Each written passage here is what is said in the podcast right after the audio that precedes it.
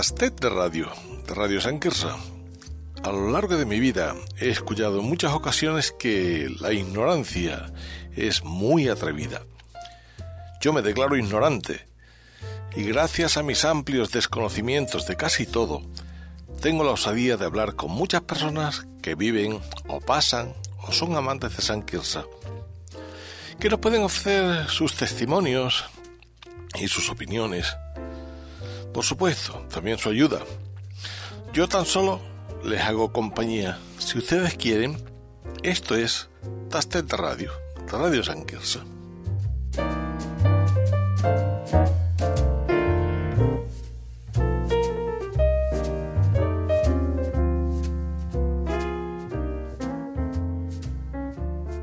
Buenas noches, señoras y señores, y un viernes más que estamos en la entrada de Tastet Radio, el programa que como ustedes saben se emite cada viernes en Radio San Quirza y en el que nos encanta tener algún invitado con el que compartir nuestro tiempo, nuestra alegría, nuestra ilusión y sobre todo con el que poder aprender. En este espacio nosotros no tratamos bajo ningún concepto de dar clases a nadie, sino de recibir tantas y cuantas clases nos quieran ofrecer nuestros eh, contertulios. Nuestro invitado en este caso es una persona que durante mucho tiempo estuvo sin escribir, al cabo de unos años ya dijo, allá que voy yo. De niño sí que le dieron algunos premios a aquellos del colegio.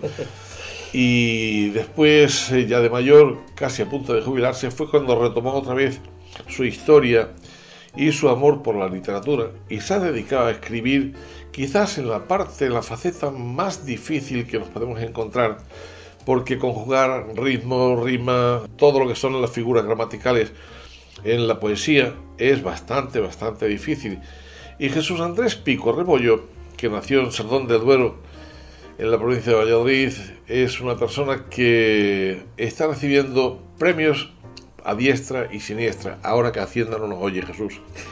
¿Eh? Ya, ha cobrado, no hay problema. Ya ha cobrado Hacienda. Es decir, de cada uno de los premios que te van dando, Hacienda ya se va quedando con su parte en prevención por lo que pueda venir. Ya te lo dan descontado, no hay problema. ya te lo dan descontado. Lo que pasa es que igual hay que volver a pagar después. Bueno, bueno. Como, aumenta el, caudal. Bueno, bueno, en función de los premios que vayas recibiendo, oye, bueno es pagar, ¿no? Hoy tanto. Estupendo. Pues nada, mientras sigamos pagando, pues haya que, haya que ello.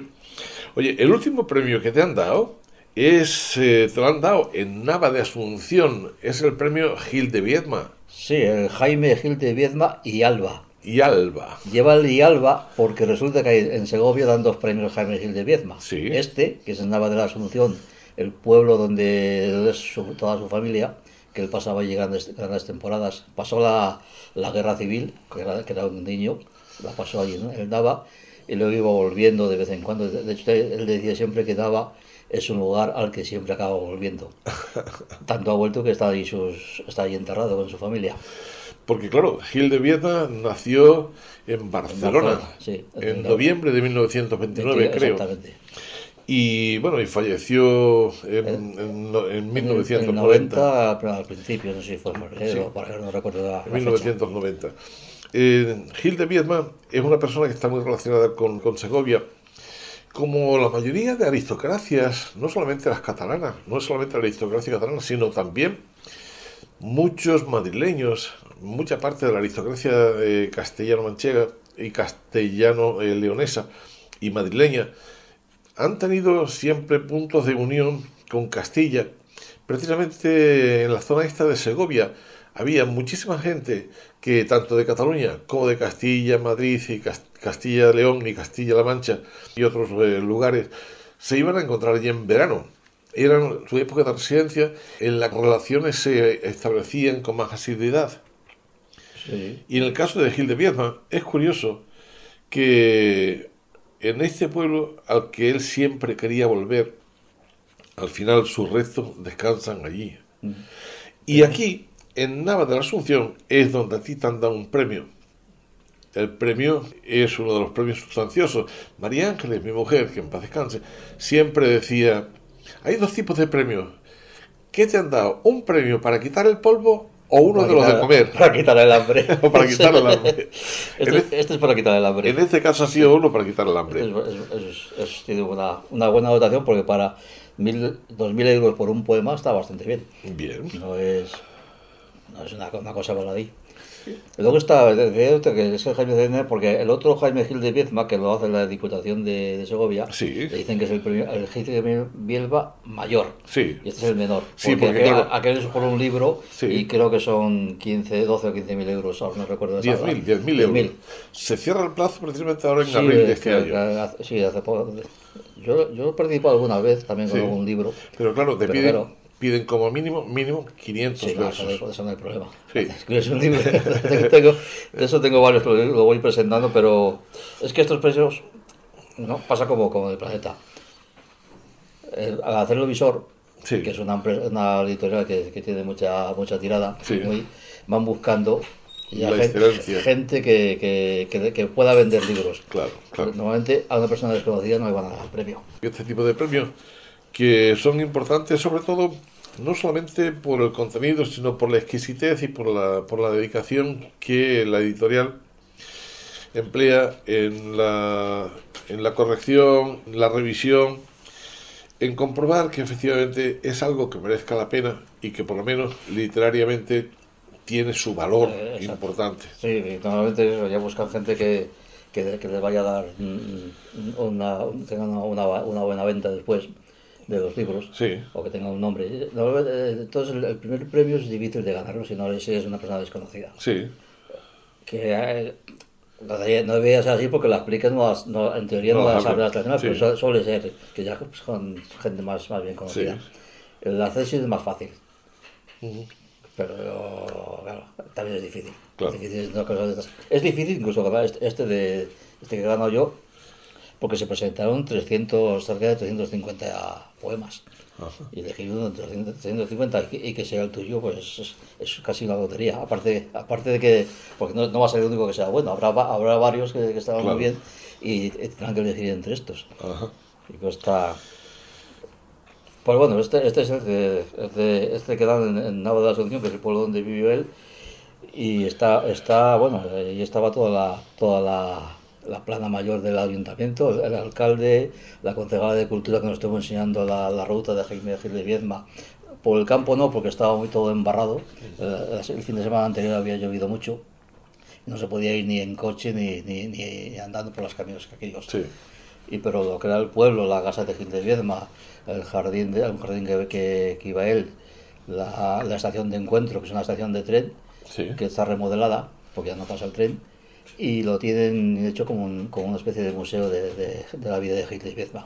Allí están, allí están la, la, parte de arriba, la, parte de, la zona de abajo que era la, la sala de espera, están todo un poco la, la vida de, de Hitler y Vietnam, incluso hay una, una, zona, una parte que es audiovisual, muchos los libros que, que había en la biblioteca, alguna cosa que, que dejaron por allí. Sí. Y en la planta primera lo que hay es otra, es en el mismo espacio están los 20, porque este, este era el, número 21 del certamen, los 20 ganadores de los 20 primeros certámenes, con un con una, una, un espacio, una, una, especie de A4 o, A3, con la fotografía del, del, ganador, alguna foto más de la entrada de premios y el poema. Y hay, hay 20. Falta, falta 21 que lo pondrán este año para que vaya a ver el año que viene. Ya estaremos ahí unidos a, Gil de Viedma. Ahí está, por lo menos. Para, todos los que vayan a visitarlo. Por lo menos pues verán. Se, verá, se verá tu cara y se verá tu, tu trabajo. Exacto. ¿Hay algún proceso especial que tú sigas a la hora de, de iniciar la escritura o simplemente es tal como te va llegando? No, yo a veces, a veces me, ocurre mucho, mucho que si leo, si leo, estoy leyendo a algún poeta, más que nada que no sea que, ya no, que no lo conozca porque ya, ya lo tengo ya lo tengo dominado. Y a veces me viene una idea de lo que estoy leyendo pero que no tiene nada que ver con el poema que estoy leyendo. Y, y, me hago un apunte de oye voy a escribir un poema sobre esto y después al rato cuando, estoy, cuando estoy tranquilo lo voy, escribiendo y me sale otras veces es simplemente andando por la calle que si te ocurre una idea o durmiendo, o está que está entre duerme vela y, empieza- y no te acabas de dormir y o estás medio soñando y te va ocurriendo cosas y, y- y Y al, te- final, al final te desvelas te y la tienes que, escribir porque si no, no, si no se pierden. Y a veces sí que me- a veces me, me, me, me- obligo a escribir sobre un tema, por, a lo mejor porque me lo han pedido o, o que, se, o que me, me interesa. Sí.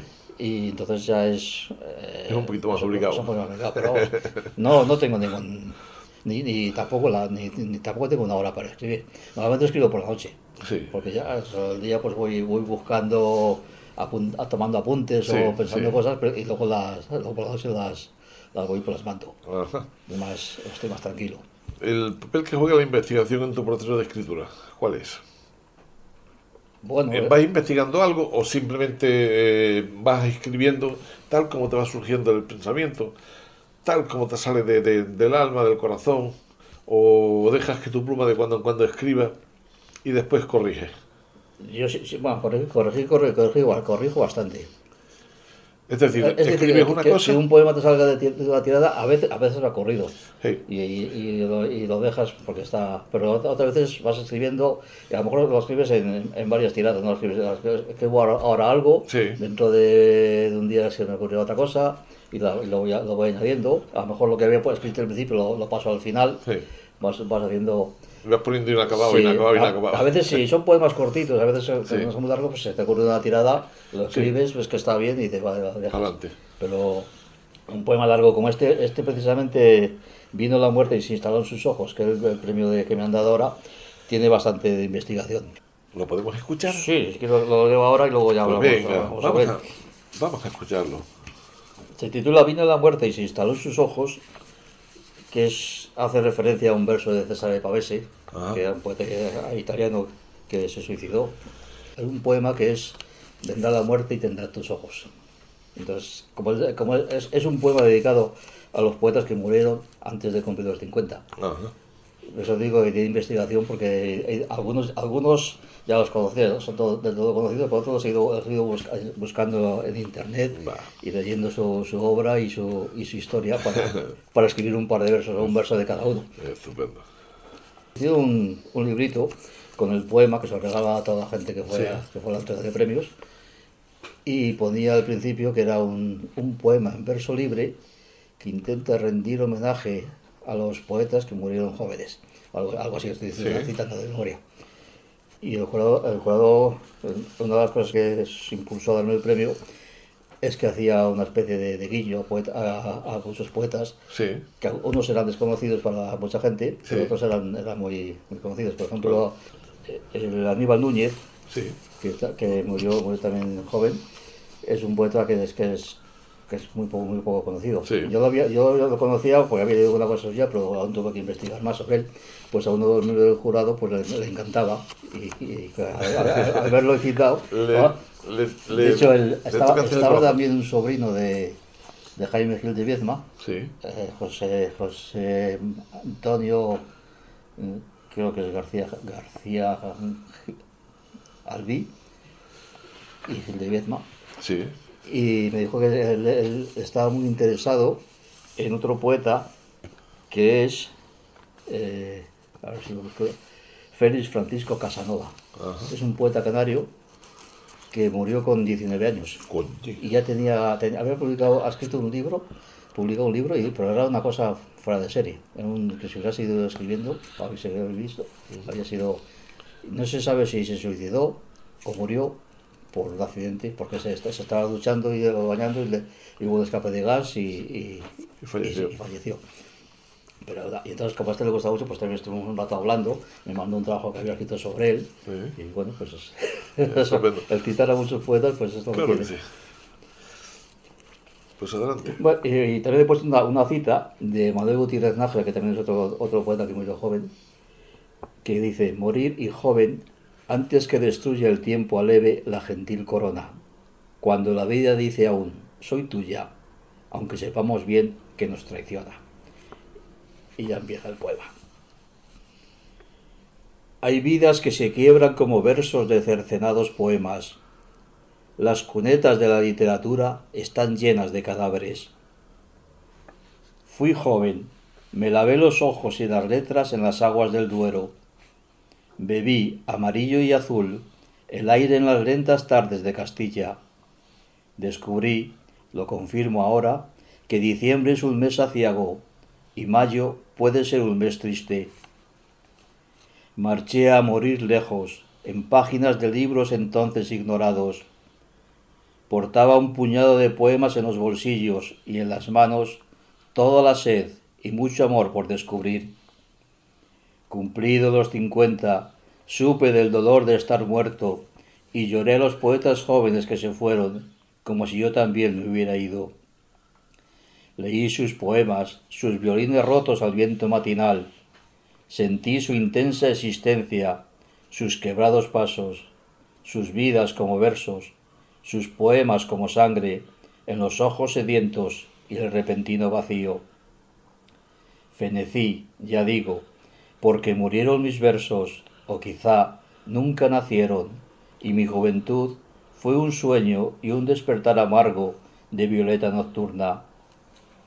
Vuelto ahora a la vida con la esperanza intacta y esperando a la muerte con los deberes hechos, busco aún el verso forjado en la ceniza, airoso sobre el polvo, y me duelen la vida, los poemas nonatos, la obra breve, la obra en plenitud, truncada por balas asesinas, tuberculosis, cáncer, las cárceles, el accidente fatal, la irónica existencia, el final autoimpuesto. Es bello el dolor de lo cercano, quizás por ser más nuestro. Y aunque quiera recordar a ciertos clásicos y ciertas latitudes, me vienen a la mente los que escriben eternamente con las huellas que comprendo, por hermanas, me vienen a la boca los más próximos. Y me duele el recuerdo del más grande y más llorado, Federico, sin tumba y sin descanso. Me duelen los abiertos ojos de Miguel, campesinamente ausente, penalmente silenciado. Me duelen las hercúleas rosas de Tomás Morales, tronchadas y reunidas en un rabillete marino y modernista. Me duelen las derrotas de Marius Torres, vencido por la enfermedad y la poesía. Me duele la falta sin fondo de Miguel Labordeta. Me duele la locura de los Panero, prefigurada por Juan y su accidente. Aníbal Núñez, diluyéndose con un verso maldito, me duele. Me duele José Luis Hidalgo poniendo rostro a sus muertos desde la cama de un hospital con neumonía. Me duelen Carmen Jodra y María Mercé Marsal, unidas a la distancia por el cáncer, la filología clásica y otros demonios. Me duele Juana Borrero y su última rima con sangre en vez de besos por los labios. Me duele Eduardo Aro rindiendo al SIDA su último verso. Me duele Roque Dalton ejecutado, porque en todos los bandos hay asesinos y al poeta no lo salva ni Dios ni Mars. Permitidme citar doloridamente a los bardos soldados de otros tiempos y soslayada muerte, Garcilaso y Manrique, y recordar a los derrotados que descubrí en otro idioma nuestro, nutriendo una antología de poetas muertos a una edad nada provecta. Héctor, Andrea, Ismael, Ana, Tony, Alex, cada cual con su trágica muerte y su circunstancia a cuestas, Perdonadme los olvidos y las limitaciones de todo polvo que aspira a ser de viento. Perdonadme el dolor. Me duelen los poemas inacabados y los jóvenes poetas suicidas. Gabriel Ferrater, que no quiso cumplir los cincuenta. Pedro Casariego, mordido por un tren en Aravaca. José Asunción Silva, con el corazón dibujado en el pecho. Ángel Ganivet y su persistencia en las heladas aguas de Riga, Alfonsina, leyendas ya del Mar del Plata, y Alejandra, Norma Jean de la poesía, el Rimbaud canario, Félix Francisco Casanova, Eduardo Hervás que descubrió en el gas la poesía de los fluidos y la eternidad de la materia, Javier Egea definitivamente imbuido de otra sentimentalidad, y Pablo del Águila jugando a la margarita rusa de la duda permanente, accidente o suicidio. Me duelen tantos otros que dejaron vacíos de negro manual a una edad tan prematura y no pueden estar aquí y parece que no hayan existido. Me afligen los abatidos tempranamente y los versos que nunca escribieron lloran las madrugadas de ósido, fantasmales ausencias que dejan en los ojos un recuerdo de nieblas. En tardes de pandemia rastreé sus pasos, la huella peregrina, el hueco de la nada, la imagen, la memoria, el poema quebrado. Poetas de vida breve y obra inconmensurable se fueron por el tiempo y sus arenas, memoria de ceniza, lluvia de olvido, nombres que se evaporan por la rima sonora de la aurora. Alguno ni siquiera llegó a escribir el verso soñado en la trinchera del lecho y de la ausencia. Otros eran ya una estrofa de luz en cada esquina. Me duelen los poetas y todas sus muertes, como duelen las nubes que son lluvia o son poema. Me duele la edad tronchada, las vidas traicionadas, los ojos con la hondura final de quienes amaron tanto.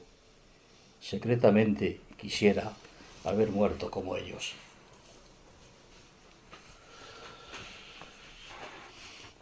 Casi me da miedo a romper este momento de silencio que deberíamos guardar después del recuerdo de tantos personajes como has estado nombrando en tu trabajo, después de tantos que han fallecido, de tantos escritores a los que no hemos tenido la suerte de conocer muy a fondo, que no han sido famosos, que no han sido sumamente eh, familiares en cuanto a la difusión de sus obras, pero sí que han sido personajes sumamente importantes, sobre todo en sus tierras natales o en los lugares en donde han vivido.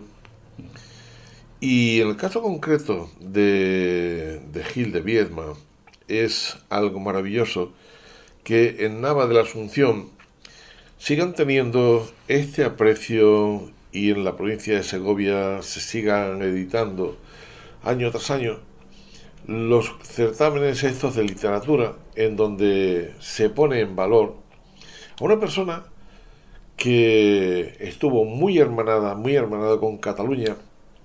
No olvidemos que su gran amor era un señor de aquí de, de Barcelona y que Jaime Gil de Viezma, bueno, pues tuvo la desgracia de, morir de sida, como muchos otros, a los que la solución y el remedio a este mal no han sido capaces de encontrar los médicos, por lo menos para decir definitivamente se ha erradicado, aunque se haya avanzado mucho.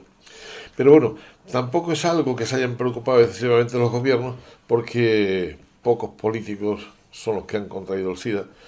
Y precisamente por ahí puede ir eh, los tiros de que la investigación solamente interesa cuando afecta a los peces gordos. Exacto. Es el cuento de siempre. Jesús, un poema muy largo, como tú decías antes de, de, empezar esta conversación, pero que merece la pena ser tenido muy en cuenta, no por el premio que te hayan concedido, que ya es importante, sino por las personas que han encabezado y que han tomado parte del jurado que han sido eh, personas de reconocido prestigio y a los que les ha tenido muy en cuenta, sobre todo a la hora de poder emitir este fallo y decir, señores, nosotros creemos que esto debe ser así por esto. ¿Cuáles son, cuáles han sido los motivos? Pues el jurado compone Fernando Romera, David Ferrer, que son dos, dos poetas que, conocen mucho a, la obra de Jaime de Viezma. Sí. Han, escrito, sobre él, han, hecho cosas. Incluso hay un imprescindible de la 2, que hay un programa dedicado a Jaime de, Viezma. Aparecen los dos. Y, Roberto Campillo, que es un poeta de allí, de, la Nava, que, que tuve la, lo conocí hace un par de años en un recital. Sí y, ha sido ha empezado este a ser miembro del jurado porque ha habido que se, que se ha retirado ya por edad. Y bueno, los tres son, son poetas, conocen, tienen amplia, sobre todo los dos primeros tienen, tienen carrera, de- tienen- son, son licenciados Sí. y saben de, de qué, de qué hablan y de cuándo han dado un premio. Sí. Entonces, que un jurado que ha entendido el premio, pues te- llena más, más de orgullo que, que, si, que si lo doy yo, por ejemplo. Aunque, aunque yo lo haga bien. Sí. En todo me cabe.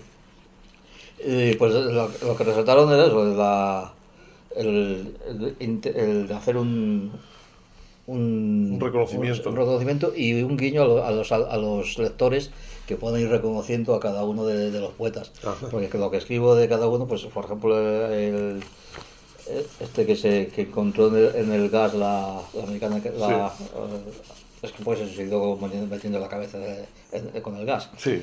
Y a a otro se, se tiraba al- a, las aguas del río, de un río en Riga y- y lo hizo, y una vez se tiró, no se ahogó, y se- creo que era, era Ferrater, Sí. que se eh, no, Ángel Ganivet, que se Sí. ahogó, no se, se tiró, no se ahogó, y, y lo sacaron y se volvió a tirar la segunda vez hasta que se ahogó. Eh, y entonces, ahí el que, el que sabe la historia de cada uno o, o la busca en internet, pues verá que eh, la pincelada que está es- tiene, tiene su, su porqué. El comentario de, de los miembros del jurado, que creo que lo tienes ahí. No, esto, esto, es- esto, era- esto eran unos apuntes para dar yo la- las gracias y hablar un poquitín. El jurado habla- hablaron los tres, y, pero prácticamente vinieron a decir lo mismo.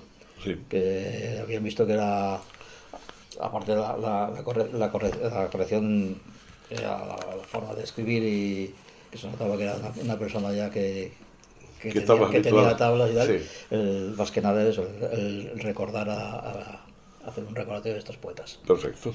¿Alguna ocasión te has bloqueado mientras estabas escribiendo y dices, bueno, esto yo lo dejo, por ahora lo dejo y mañana sigo? Sí, sobre todo, sobre todo si escribo prosa. Vale. ¿Cómo consigues, cómo consigues llegar al desbloqueo? Dejando, dejando reposar un tiempo. Si es. ¿Ese trabajo? Sí. ¿O el resto también? no, normalmente ese trabajo, si me, si me bloqueo de este, voy a buscar otro. voy- como tengo varias cosas empezadas, pues me voy, me voy a otra. De hecho, este va- hace, hace poco, José Moreno Arenas, Sí. que es un dramaturgo de, de Albolote, Sí. que ganó el premio de, de- de- de teatro. teatro. breve, pues me, me dijo que, que, la, que hiciera una, porque hacen cada año, hacen un libro y hace una, Reseña. una reseña del libro. Sí. Y que sí que, que lo proponen en la, en la junta que tienen ellos y, y solamente lo propone él y todo le dice Sí. que sí. Y me había propuesto a mí, dijo que si me parecía bien. "Vale, pues". Y dice, pues vete escribiendo de este año, que ya tenía, ya tenía el libro, que ya me, la- me lo había regalado ya. Y, cuando la tengas sin prisa, vas haciendo, y empecé a escribirla sin prisa. Sí. Y cuando, cuando yo escribí un, un poco, Sí. mm, luego al día siguiente lo, lo leía, Y añadías. iba cambiando alguna cosa, iba añadiendo, iba haciendo. Y, y, y así tardé bastante en escribirlo, pero que iba despacio, sin, sin prisa y sin, Sí, sin sí, pausa. sí.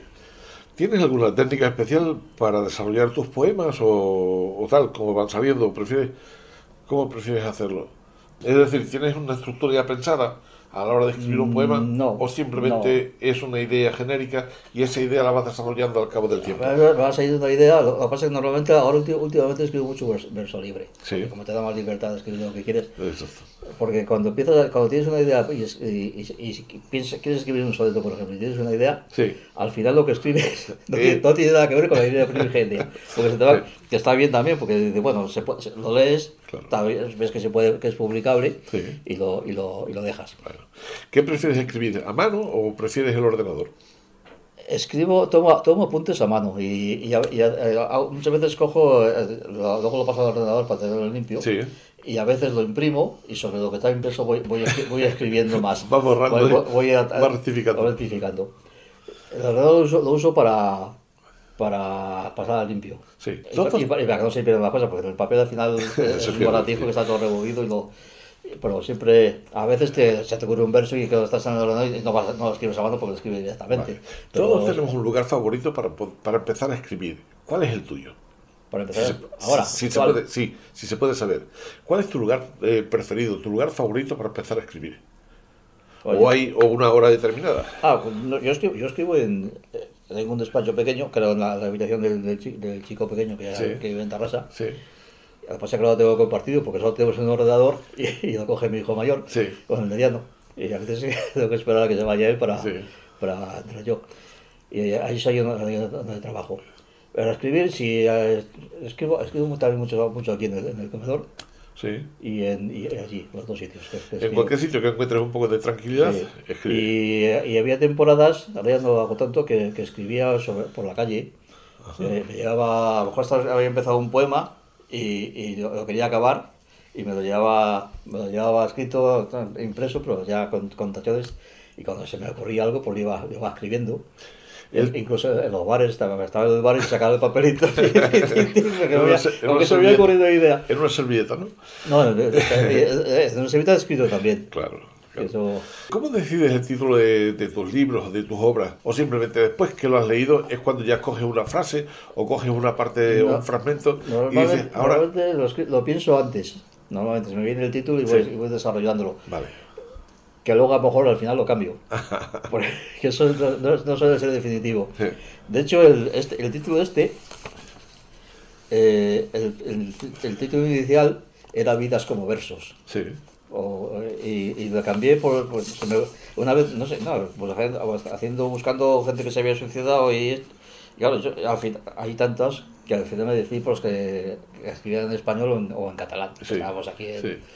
Porque no vas a poder, podía, si te pones a ver los, los ingleses y los, y los, los- Claro. al sale, te sale un mamotreto que, Claro, claro. que no es, que no es un poema. Y, y, y leyendo a, a Pavese, que bueno, está- dije, oye, pues esto podía ser, ¿no? El, el título este podía, podía, enca- podía encajar. Cambio Con el- título y, y- tiene más, más fuerza, Más que, más garra. que, que pues eso que solo cambiar. Escribes con un título, a veces escribes, hay poemas que lo escribes sin título y lo dejas sin título. sí. Eh, Pero con- a veces es el, el de, el de teatro sí. le pasó lo mismo. El- es sobre unos, un grupo de unos, unos suicidas que salen de un puente Sí. y, salen- y al final no se suicida a nadie, pero. Están ahí. Y esto, el título inicial era Noche de Suicidas.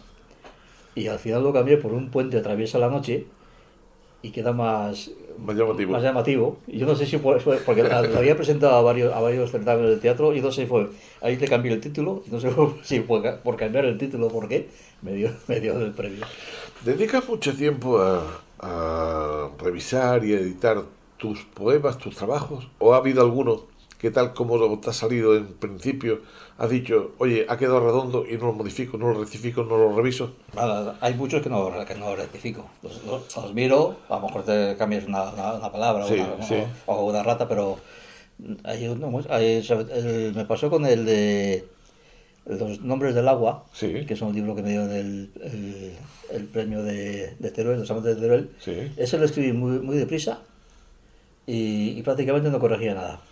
Iba, iba, iba- y se me iba corriendo porque da, como es- son lugares con los que he estado con, con mi mujer, Sí. pues, Iba recordando. Iba poniendo el, el- el título y, Sí. y iba, iba escribiendo sobre la marcha. Sí. Y lo, lo escribí aquí y en Valencia. Me acuerdo que estaba verano en Valencia y allí, allí lo acabé de escribir. ¿Estableces pero- de alguna forma el ritmo de tu escritura y la estructura de, tu, de, de las historias que desarrollas en cada uno de tus poemas o, o simplemente el ímpetu inicial es lo que más, es lo que más respetas? Sí, yo no, no es que, es que no, no me lo planteo, con- con- sobre todo que escribo en verso libre, me va saliendo, tal y como va saliendo, lo voy, lo voy, lo voy. Y- incluso no cuento ni si hago, hago- porque hago, porque hago unos versos más largos y otros más cortos. por lo menos que tenga una cierta musicalidad. Sí, que tenga- pero- que sí, se- ¿sabes? ya, ya eso, eso ya, ya sale solo. Porque luego, luego lo, lo vas, lo vas leyendo y, y te suena bien y ya, Sí, y ya lo dejas. si hay algún verso que ves que, que, que no te acaba de encajar porque te suena raro, pues lo vas cambiando. En este, Pero- momento, en este momento, Jesús, que hay muchos, eh, bueno, yo creo que hay mucha gente joven que está empezando a escribir. ¿Qué consejo le darías a los principiantes? Yo creo que, da- que da todo el mundo, que lean. Que lean, que lean, mucho, que lean. mucho, porque leyendo se aprende. Hay que, hay que, hay que leer a, a, a los clásicos, a las que no son tan clásicos, porque hay gente... Yo, claro, yo cuando empecé a leer leía a- a Lorca, a Machado, a Miguel Hernández y a Juan Ramón Jiménez, que, que tenía más, más a mano. Sí, Pero me perdía muchos de que no, que no han sido Claro. después. claro. Y a los clásicos, porque lo que ya porque te, lo que te venían los libros, los, el siglo de oro y todo esto. Pero, y, y la, y la, pero todos los, poetas de los, de, los 50, los, los de eh, los sociales, eh, los fui descubriendo más tarde, y, y, y cosas ya poetas actuales que, que, que, vas descubriendo que no son conocidos, muy conocidos, sí. escriben maravillosamente. ¿Cuál ha sido el mayor reto que tú has tenido a lo largo de, de, tu, de tu vida, no de tu vida laboral eh, en la empresa, sino de tu vida como, como escritor? ¿Hay algún reto que hayas dicho, joder, me gustaría mm, superar este reto? ¿O que algún reto que tú ya, que tú ya te hayas puesto en tu vida personal? Bueno, yo cuando, cuando era joven quería ganar el, el Adonais. ¿El? El Adonais. El Adonais. Digo, si lo gano ya, ya está. Ya. Y me presenté, no, no, no, dos o tres veces. Dos, dos seguro. Después no lo sé. Pero nada. Ya, cuando, cuando ya vi que no, que no lo ganaba, pues conozco a un a uno de a Luis Llorente que es de que es un poeta de que tiene la edad de mi hijo de mi hijo mediano y es de Segovia ese ha sido dos veces finalista sí. no, no lo ha ganado ni, ni, ni, ni ha sido no se lo han publicado bueno, hay un tipo que sí se lo han publicado pero no por ser finalista de, de yeah. Age, porque le gustó al editor sí. y digo bueno pues no esta ha sido finalista yo no, ni siquiera pero bueno que no es, es, es difícil yo, si no si eres un poeta que además vas escribiendo sobre la marcha, que es autodidacta, que no tiene esos conocimientos que puede tener un, una, una, persona que ha estudiado, pues sí. te cuesta un poco más. Bueno, Pero... Jesús, ¿cómo compaginas tu vida personal con tu vida de, de escritor? Eh, ¿cómo, ¿Cómo te lo organizas? Bueno. O, o, tu vida de escritor es cuando ya ha desaparecido el, el periodo de, de, de trabajo activo y a partir de este instante ya te sientes más reconfortado en tu, en tu rincón particular. Bueno, de, hecho, de, hecho, volví a escribir porque bueno, sobre el 2006 o 2004, 2006, porque estaba, estaba en un trabajo que teníamos, que tenía tiempo libre. Sí. Entonces aprovechaba para, para escribir y para volver a escribir. Iba escribiendo cositas, pero para, para mí, no con idea de publicarlo. Uh -huh. Pero como empecé a presentarme a los premios y veía que iba, iba ganando, pues me fui, me fui animando. Las críticas eh, han influido, las críticas que te hayan podido hacer, tanto para bien como para, como para mal, ¿han influido de alguna forma en ti como escritor? Si son constructivas, sí, pero, pero hay mucha gente con mala leche. Bueno, sí, sí. de eso, de eso no, no, no, me han tocado. Igual es que no me leen. No, sí, si sí, alguien te dice algo. Lo, que, lo, lo malo es que mucha, todo el mundo te dice que, oh, que está muy bien, que no sé qué, no sé cuántos, pero eso, bueno. eso no sirve, no, tampoco sirve, sirve mucho. Pero sí, ya, lo que pasa es que yo, yo soy muy autorídico también. Sí. Yo cuando escribo pienso, si esto leyera, si yo estuviera leyendo esto y no fuera ya el autor, me gustaría o, o, sería, o pensaría que es una mierda.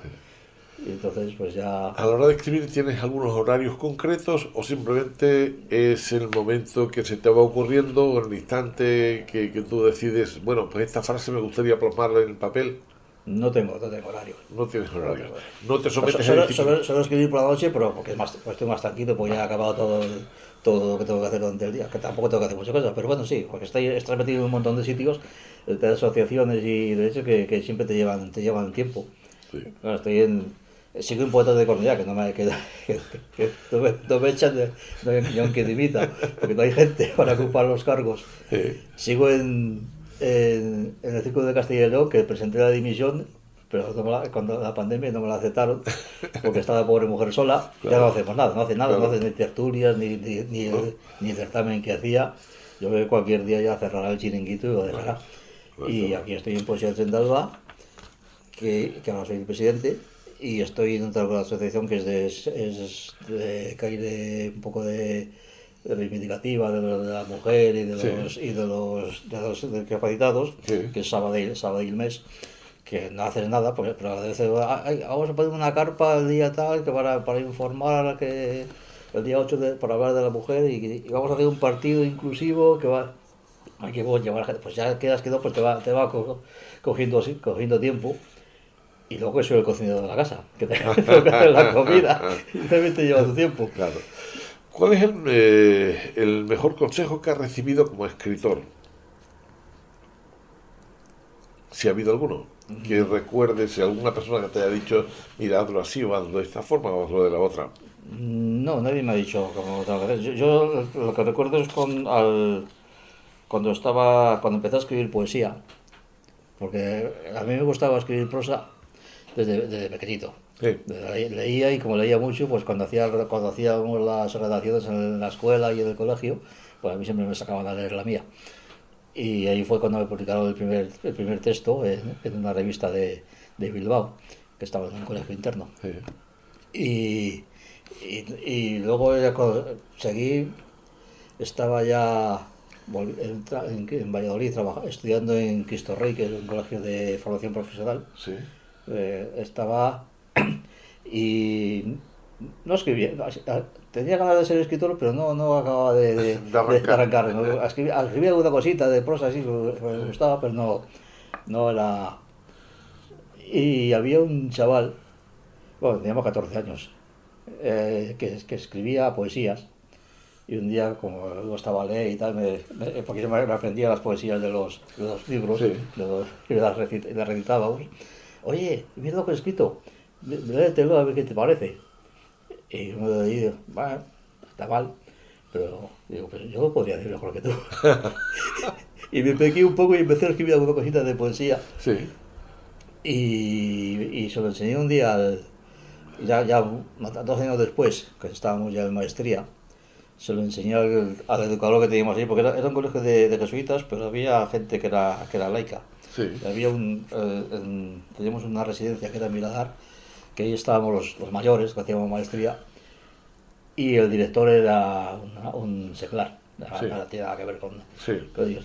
Y era un educador pero al estilo antiguo, como si fue, yo, a mí me recuerda mucho, no lo he vivido, pero a la residencia de estudiantes, Sí. porque nos trataba como, como personas, nos- nos llevaba, nos llevaba para leer las revistas de que salía, que, pero que, que Cambio 16, Triunfo, Sí. el, el hermano, el hermano El Lobo, Lobo, la, sí. la, la que ya- no sé si estaba todavía. Pero las cosas que, que, Sí. que, que, eran más bien tendencia, tendencia izquierdista. Y él era un tío muy- que, era, que era, iba a misa y era, pero tenía una, una claridad de mente, Bueno. el José- Jesús María Burgos, y un día me dice, me me me dijo las cosas y dice, tú puedes, si te gusta, tú puedes llegar a ser un, un buen poeta. Y me, me recomendó un, un libro que había, que, que tenía allí en la biblioteca, que es un mamotreto, eh, que luego lo he comprado yo después, Teoría del lenguaje, Ciencia del estilo y Teoría del lenguaje que, que era para aprender a escribir. Y además me regaló algún librito de, de estilo también, que eran unas prácticas de, de un jesuita para aprender a escribir. Ajá. Que te, te, venían, te venía un tema Sí. y te tenías que escribir sobre el tema y luego, te, luego te- el mismo libro te, iba poniendo textos que habían Sí. hecho sus alumnos Sí. y explicando cómo tenías que hacerlo. Y eso me sirvió, me, me sirvió mucho para, para, escribir- para aprender a escribir. Me, ani- me animó, me animó y, y- y seguramente que si no hubiera sido por él igual, igual no estaba escribiendo. Bueno, Jesús, el movimiento se demuestra andando, deci- decimos siempre. ¿Por qué no nos lees otro poema tuyo? Mira, que, tenemos, hemos sacado una revista en, en poesía de Tendalba Sí. y aquí viene un poema mío al final. Somos veintitantos poetas, 27, no, 25. Sí. Y, y este, este, este es inédito porque además, lo descubrí. Hay, hay veces que estás mirando el ordenador y, y- y encuentras poemas que no te acuerdas de ellos. Sí. que los has, los has- los has archivado Sí. y no los has metido en ningún libro ni en ningún porque Sí. vas haci- lo voy haciendo aparte de los que van publicándose ahora tengo uno que sería que será el siguiente que ya voy poniendo poemas que, va- que voy a que voy a Ah, publicar ahí que han ponido todos los premios y aparte de las primeras partes que voy y esto no lo tenía catalogado por ningún sitio Bueno. y lo vi y digo "Ah, mira lo voy a mandar que habla, habla como casi todos mis poemas de- del pueblo Bien. A los aires de entonces Adelante. Cuando se tiñen de olvido los recuerdos, el corazón preserva el paisaje primero de los ojos. Los días azules, la luz alta, la casa familiar donde naciera en una mañana laboral y lectiva, el desván de los sueños y la magia, la tronera abierta al cielo, la cuadra con vestigios de un tiempo de bonanza y animales, las aves de corral, la leña donde dormía un rojo sol y un ensueño de rescoldos, los rosales, la parra, toda sombra y racimos en la fachada de piedra. Las tapias de adobe enfilando ya los campos, donde se anuncia un mar de imposibles bajeles bajo el cielo castellano. Huertos, majuelos, barbechos, cascajeras, el cereal en las eras donde se aventaba el tiempo, los álamos del duero del cauce curvado, el pinar, los muertos del cementerio viejo, degradando soledades en esta tarde larga, la vía que alejaba los trenes lentamente para devolverlos luego henchidos de ilusiones, el monte con encinas y robles centenarios, los páramos quebrando el horizonte, apriscos donde el cielo sus rebaños de nubes guardaba para nunca en ocasos de sangre.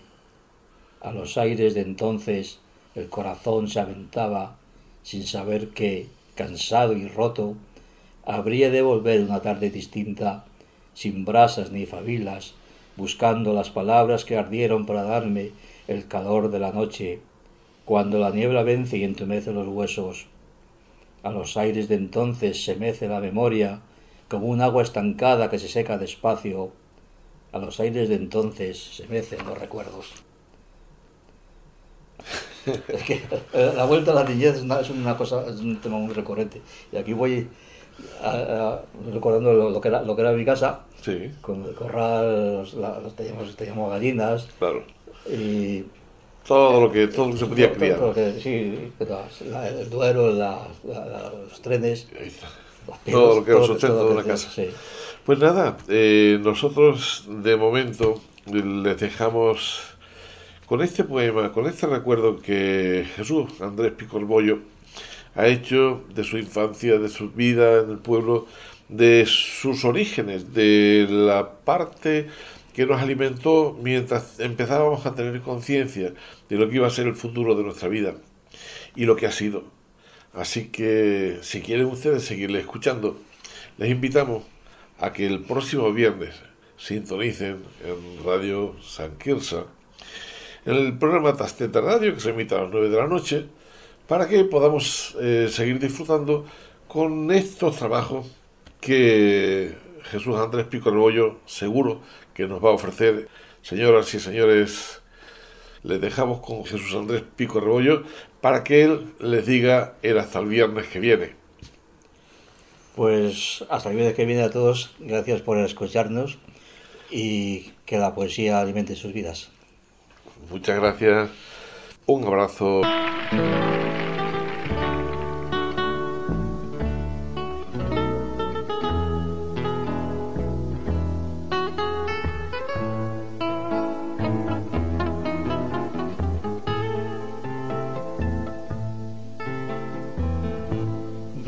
Desde que estuve niña en La Habana no se me puede olvidar. Tanto Cádiz ante mi ventana, tacita lejana. Aquella mañana pude contemplar las olas de la caleta, que plata quieta contra la roca de aquel paseo que al bamboleo de aquella boca allí le llaman el malecón. Había coches de caballo, era por sonaban por la alameda, por puerta tierra, y me traían ay tierra mía, desde mi Cádiz el mismo son, el son de los puertos, dulzor de guayaba, calabaza huerto. Aún pregunto quién me lo cantaba.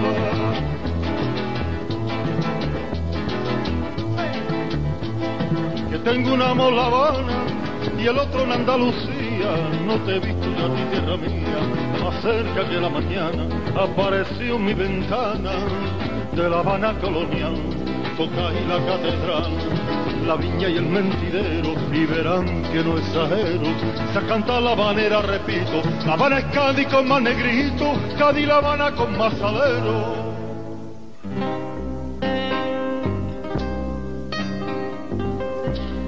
Verán que tengo mi alma en La Habana.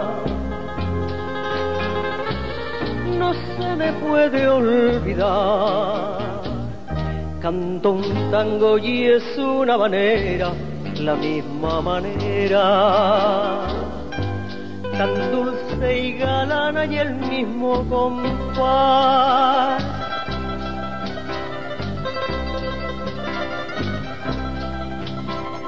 Por la parte del Caribe, así se escribe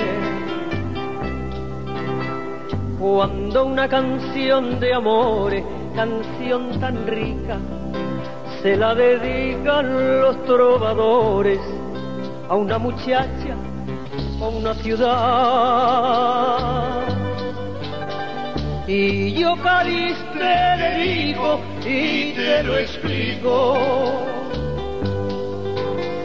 Porque te canto este tango que sabe a mango, esta banera de esta manera de piriñaca, de carnaval, son de chirigota, sabor de melaza, Guantánamo y rota, que lo canta ya un coro en la plaza. Tengo un amor en La Habana el otro en Andalucía. No te he visto ya ti tierra mía, más cerca que la mañana, apareció en mi ventana de la Habana colonial, Tonga y la catedral, la viña y el mentidero, y verán que no exagero, si al cantar la banera repito, la Habana es Cali con más negrito, Cali en la Habana con más alero.